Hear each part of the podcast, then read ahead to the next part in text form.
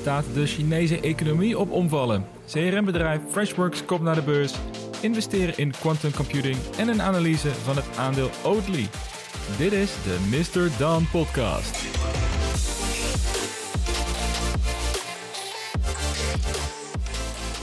Welkom bij de vijfde aflevering van het seizoen. Mijn naam is Jasper en we hebben weer een volle aflevering voor de boeg. Allereerst hebben we zometeen een blik op Evergrande, de op één na grootste vastgoedontwikkelaar van China, die opgezadeld zit met een schuld van 300 miljard dollar. De kans op een faillissement is aanwezig, wat qua impact op de financiële markten vergeleken wordt met het faillissement van de Lehman Brothers in 2008, ja, wat destijds natuurlijk een enorme paniek bij beleggers veroorzaakte. Daarna staan we stil bij twee wat luchtigere onderwerpen, namelijk de aanstaande IPO van het Indische CRM-bedrijf Freshworks. En daarnaast vraag ik me af of het al de tijd rijp is om te investeren in quantum computing bedrijven.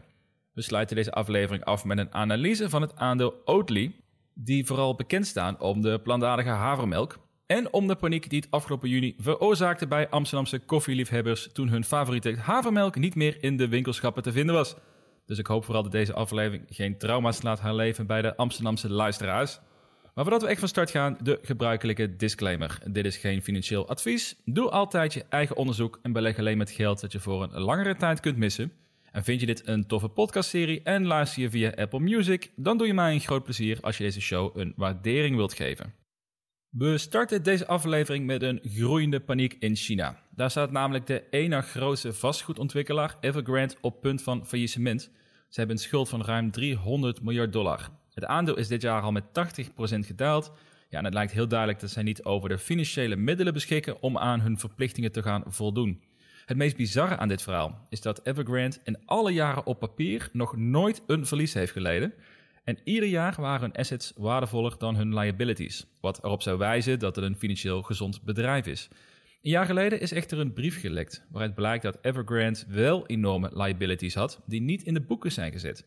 Wat blijkt namelijk is dat slechte vastgoedinvesteringen simpelweg als voorraad worden meegeteld op de financiële balans. Dus ook flatgebouwen die niet zijn afgebouwd en dus eigenlijk geen waarde vertegenwoordigen, ja, in ieder geval niet tot de bouw is afgerond. Ja, en zo blijkt me weer dat China ja, niet het land is waar je als belegger zomaar moet vertrouwen op de gerapporteerde financiële resultaten. In 2018 heeft China met behulp van een nationale bank een analyse laten uitvoeren over welke bedrijven eventueel een risico zouden kunnen vormen voor de stabiliteit van hun financiële markt. En in deze analyse stond Evergrande bij de top van deze lijst. Vorig jaar heeft toen de Chinese overheid een nieuwe wet aangenomen die het risico van de grote vastgoedpartijen moet beperken. En hierdoor heeft Evergrande eigendommen moeten verkopen voor een flinke korting.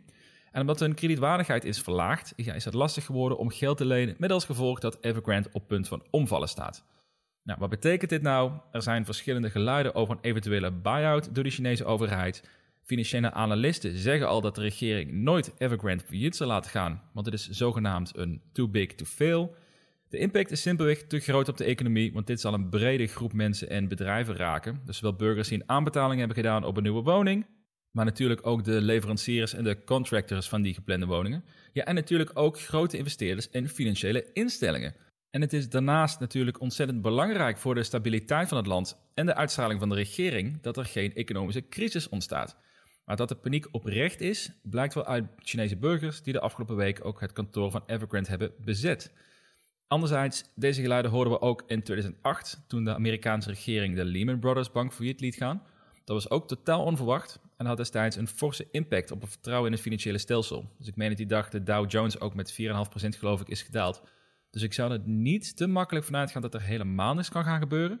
Want het meest waarschijnlijke scenario, ook als ik naar een aantal analisten geluisterd heb die hier veel meer verstand van hebben dan ik, is dat de regering waarschijnlijk hulp gaat verlenen via de financiële instellingen die een belang hebben in Evergrande. Want zo wordt niet de indruk gewekt dat de regering een buy-out doet, maar zal er geen totale implosie van het bedrijf plaatsvinden en daarmee dus ook van de financiële markten.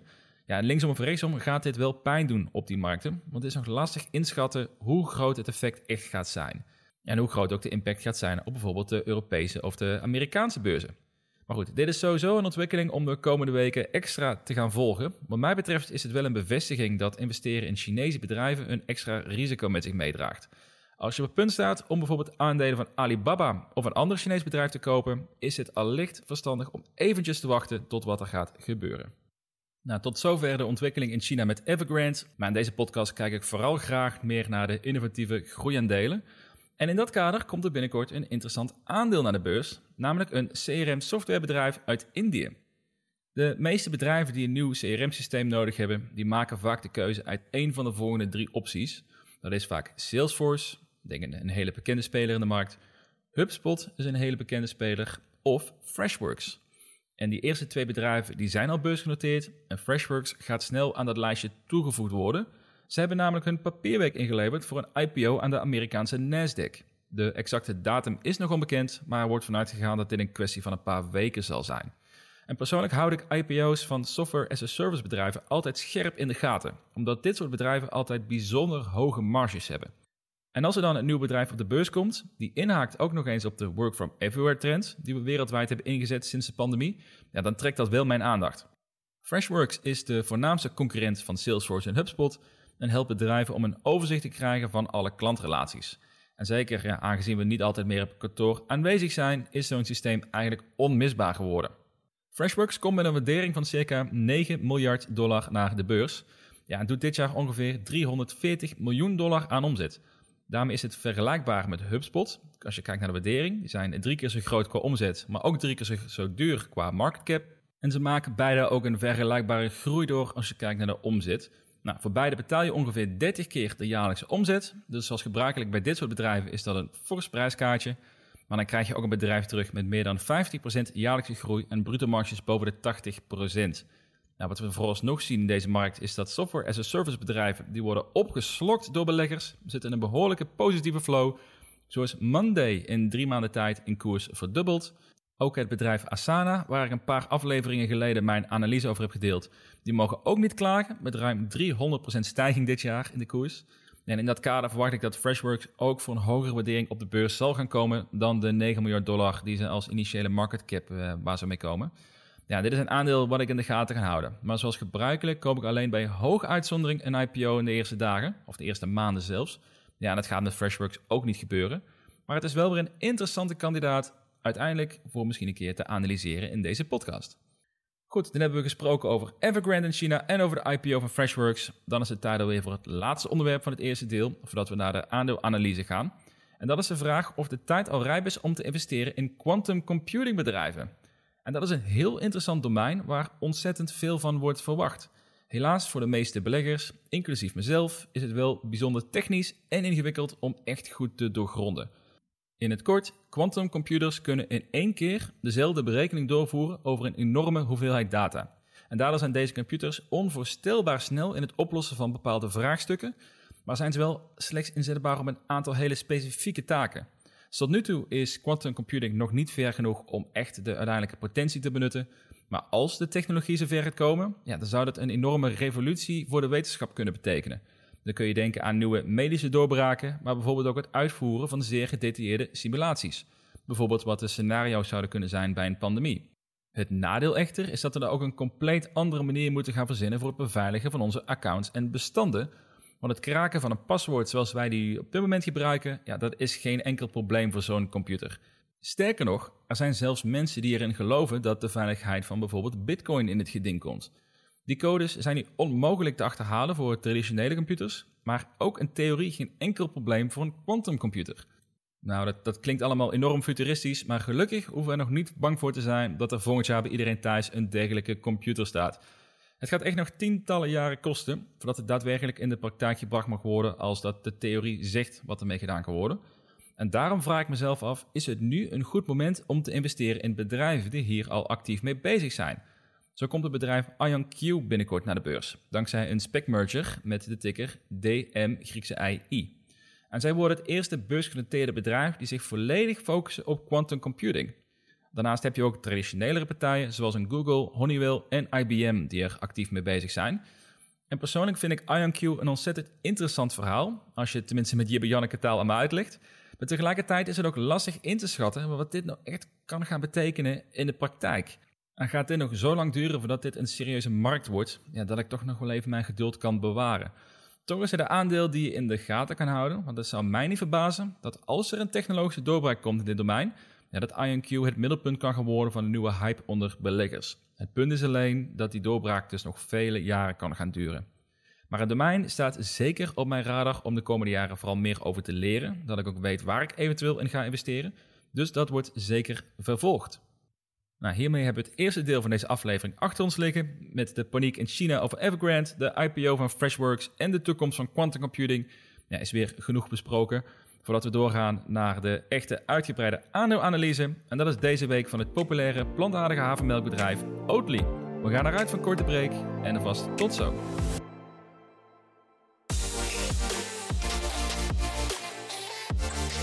Welkom terug. Voor vandaag hebben we opnieuw een Europees aandeel centraal staan. Dit bedrijf heeft een omzetgroei van boven de 50% per jaar.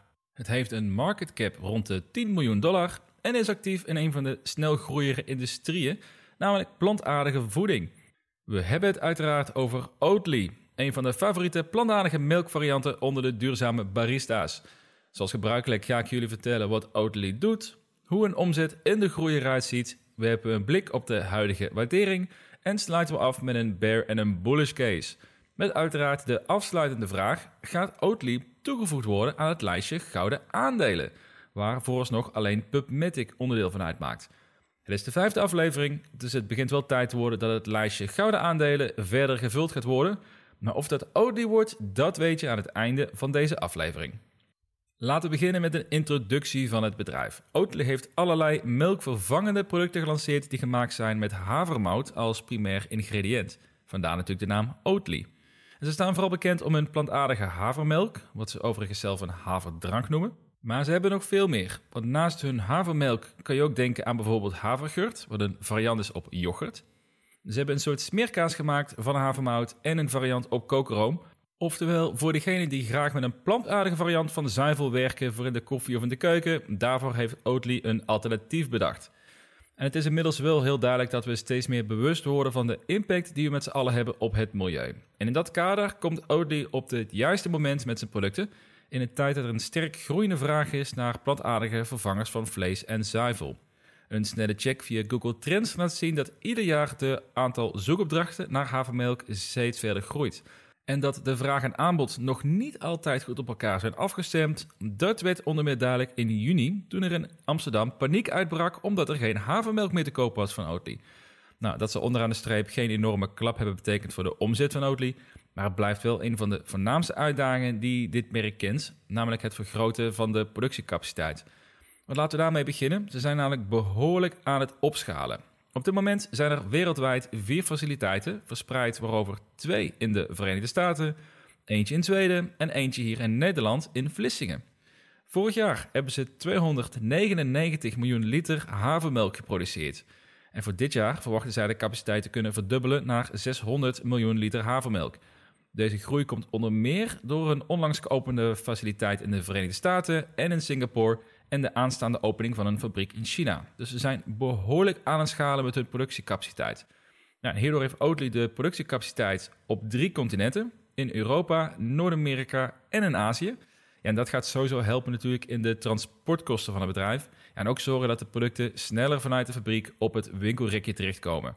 Nou, voor de komende jaren staat verder nog een nieuwe faciliteit op de planning in Engeland, nog eentje in de Verenigde Staten en nog eentje in China. En hiermee willen ze in 2023 op een productie zitten van circa 1,5 miljard liter havermelk. Wat natuurlijk een enorme groei is ten opzichte van het aantal liters die zij dit jaar verwachten te gaan produceren.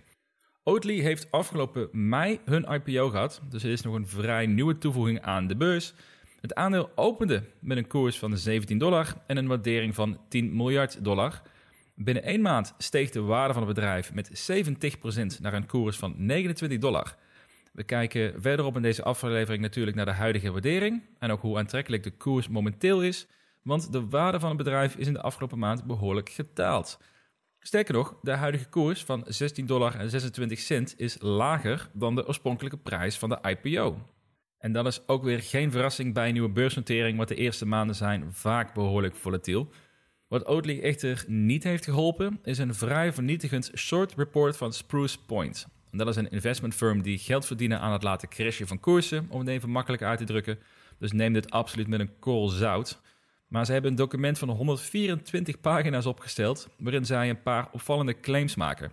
Zo geven ze onder meer aan dat het succes in China overdreven wordt en dat de omzetcijfers van 2018 niet overeenkomen met de resultaten die toen zijn gecommuniceerd. Maar zij vragen het managementteam om een onafhankelijke accountant de cijfers te laten bevestigen. Ook wordt de claim gemaakt dat Oatly nooit een winstgevend bedrijf kan worden en dat de waardering veel te hoog is. Ruim een jaar geleden werd het bedrijf op 2 miljard dollar gewaardeerd en nu is dat dus het vijfvoudige. Ook schatten zij in dat de plantaardige melkindustrie een totale waarde van 21 miljard dollar zal vertegenwoordigen in 2025. En volgens het rapport is het onwaarschijnlijk dat Oatly ook 15% marktaandeel gaat krijgen. Oatly heeft de beschuldigingen ontkend zonder er te veel aandacht aan te besteden. Maar dit soort events hebben wel impact op de waardering van het bedrijf. Zeker niet als daarmee de, onrust niet weggenomen kan worden door het bedrijf. En als de aantijgingen uiteindelijk bevestigd worden, ja, dan heeft Oatly nog wel een koersval voor de boeg. Hopelijk heeft daarmee Oatly een sterk managementteam die ervoor kan zorgen dat dit geen negatieve impact heeft op het bedrijf. Via Glassdoor kreeg ik helaas weinig inzicht in hoe het managementteam en de CEO wordt beoordeeld. Er zijn weinig reviews, die overigens wel ronduit matig zijn, maar dat is te weinig om echt een conclusie aan te verbinden. Wat ik wel heel jammer vind, is dat de oorspronkelijke oprichters van het bedrijf allemaal niet meer werkzaam zijn bij Oatly.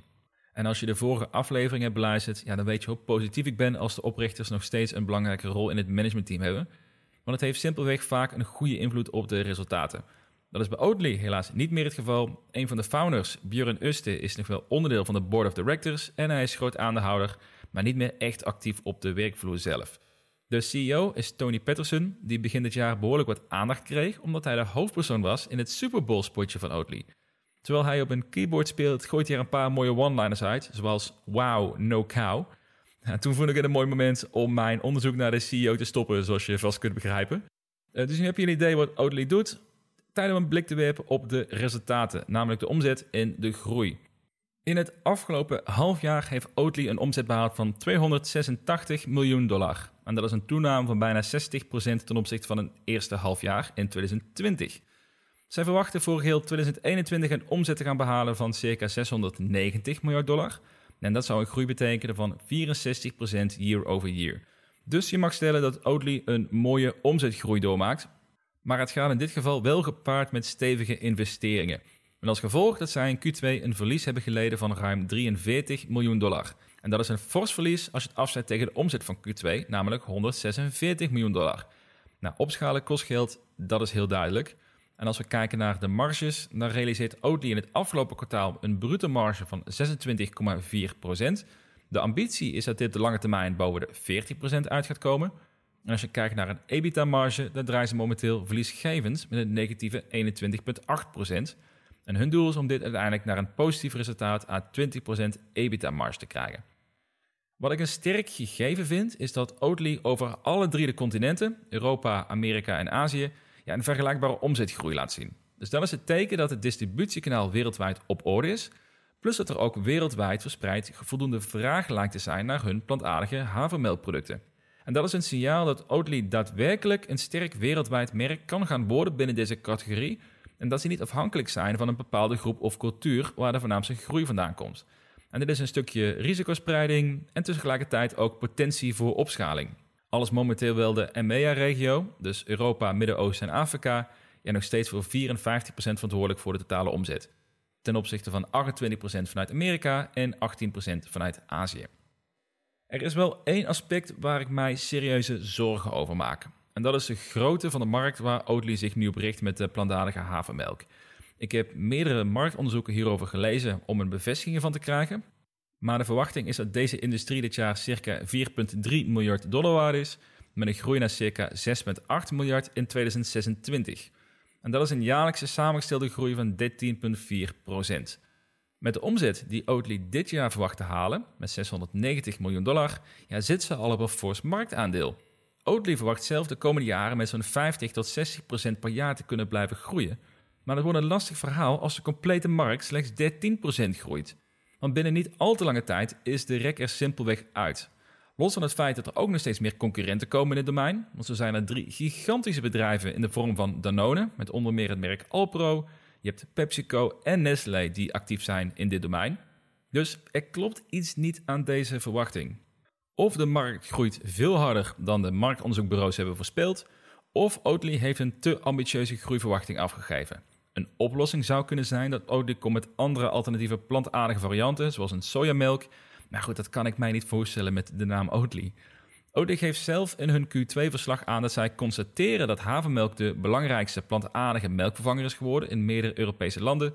Terwijl in de Verenigde Staten slechts 18% van de mensen kiest voor havermelk en liefst 63% voor de sojamelkvariant. Dus ze claimen daaruit dat ze nog een flinke groei te behalen hebben. De totale markt voor melkalternatieven, dus inclusief sojamelk en amandelmelk, wordt geschat op 40 miljard dollar in 2026. Dus dat zou moeten betekenen dat veel consumenten de overstap gaan maken van soja- en amandelmelk naar havermelk om de groeiambities van Oatly waar te kunnen maken. En ik moet eerlijk bekennen dat ik hier geen goed gevoel bij krijg. Het verhaal klopt gewoon niet helemaal. als ik naar de, puur naar de cijfers kijk, dan heb ik twijfels of Oatly deze omzetgroei verwacht vast te kunnen houden. Dat kan alleen als havermelk de absolute dominante vervanger wordt van natuurlijke melk, of in ieder geval op zijn minst van sojamelk. Ja, en ik betwijfel gewoon of dat gaat gebeuren. Nou, dan wil ik ook nog even kort een blik werpen op de financiële gezondheid van het bedrijf. Oatly heeft een cashpositie van circa 524 miljoen dollar, dankzij hun IPO van een paar maanden geleden.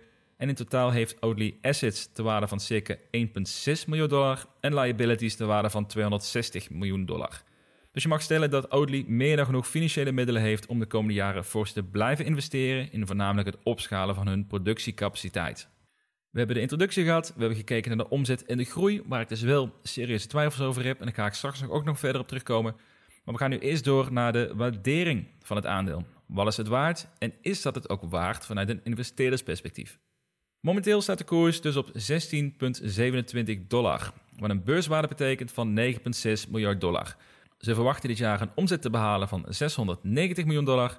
Dus dat houdt in dat we hier rekenen met een price-to-sales ratio van bijna 14 keer de verwachte omzet voor 2021. Op basis van de afgelopen 12 maanden is het zelfs 20 keer de gerealiseerde omzet. Het bedrijf is niet winstgevend, dus we kunnen geen PI-ratio uitrekenen. Dus laten we eens gaan vergelijken hoe de concurrenten gewaardeerd worden. En in dit kader vond ik het interessant om meerdere soorten van plantaardige aanbieders te vergelijken. Enerzijds met andere beursgenoteerde bedrijven die zich primair richten op plantaardige voeding, zoals Beyond Meat en Tattoo Chef. Toegegeven, ze zijn actief in een andere branche, maar voor de waardering wel interessant om het vergelijk te maken. En anderzijds vergelijk het met twee grotere merken die havermelk als onderdeel van hun totale productaanbod hebben, namelijk Danone en Nestlé. Het allereerste wat mij opvalt is dat op basis van de afgelopen 12 maanden omzet Oatly het duurste bedrijf is in deze lijst. Beyond Meat is met ruim 15 keer de jaarlijkse omzet ook behoorlijk aan de prijs, maar de rest is aanzienlijk aantrekkelijker gewaardeerd. Voor Tattoo Chef betaal je 6,5 keer de jaarlijkse omzet, voor Nestlé bijna 4 keer de jaarlijkse omzet en voor Danone circa 1,7 keer de jaarlijkse omzet. En ik vond Beyond Meat altijd al een behoorlijk duur aandeel, maar Oatly doet daar dus nog een schepje bovenop.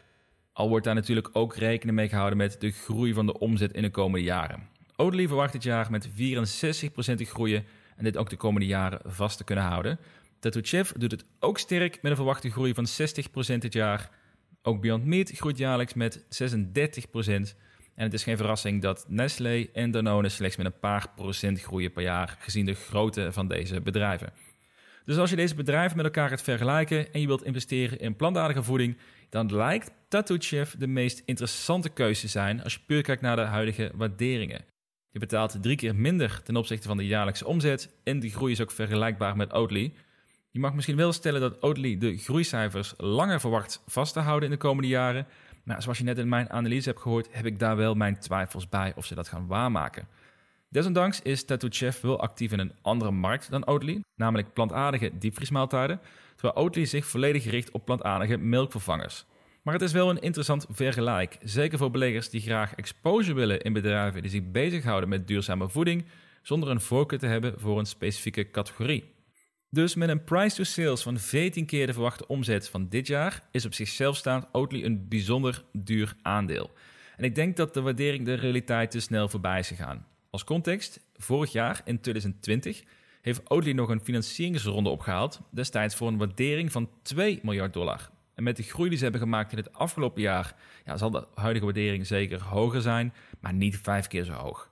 En dat blijkt ook uit de discounted cashflow analyse die ik heb gedaan op basis van de komende vijf jaar. De fair value wordt ingeschat rond de 10 dollar. En dat zou een waardering zijn van 5,9 miljard dollar.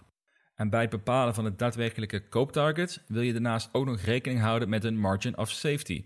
Gezien de twijfels over de grootte van de industrie zou ik een marge aanhouden van circa 20% op de fair value. Dat betekent dat ik Oatly een koopdoel zou geven rond de 8 dollar. Ja, dat is ongeveer een halvering vanaf de huidige koers. Nou, gezien de IPO-prijs van 17 dollar is het sterk de vraag of die koers weer gaat gebeuren binnen de kortste tijden, zonder dat de beurs in algehele correctie komt of dat blijkt dat het short support meer kern van waarheid heeft dan tot nu toe wordt aangenomen. Maar goed, in het tweede geval moet je ook afvragen of het koersdoel van 8 dollar dan nog wel steeds overeind staat.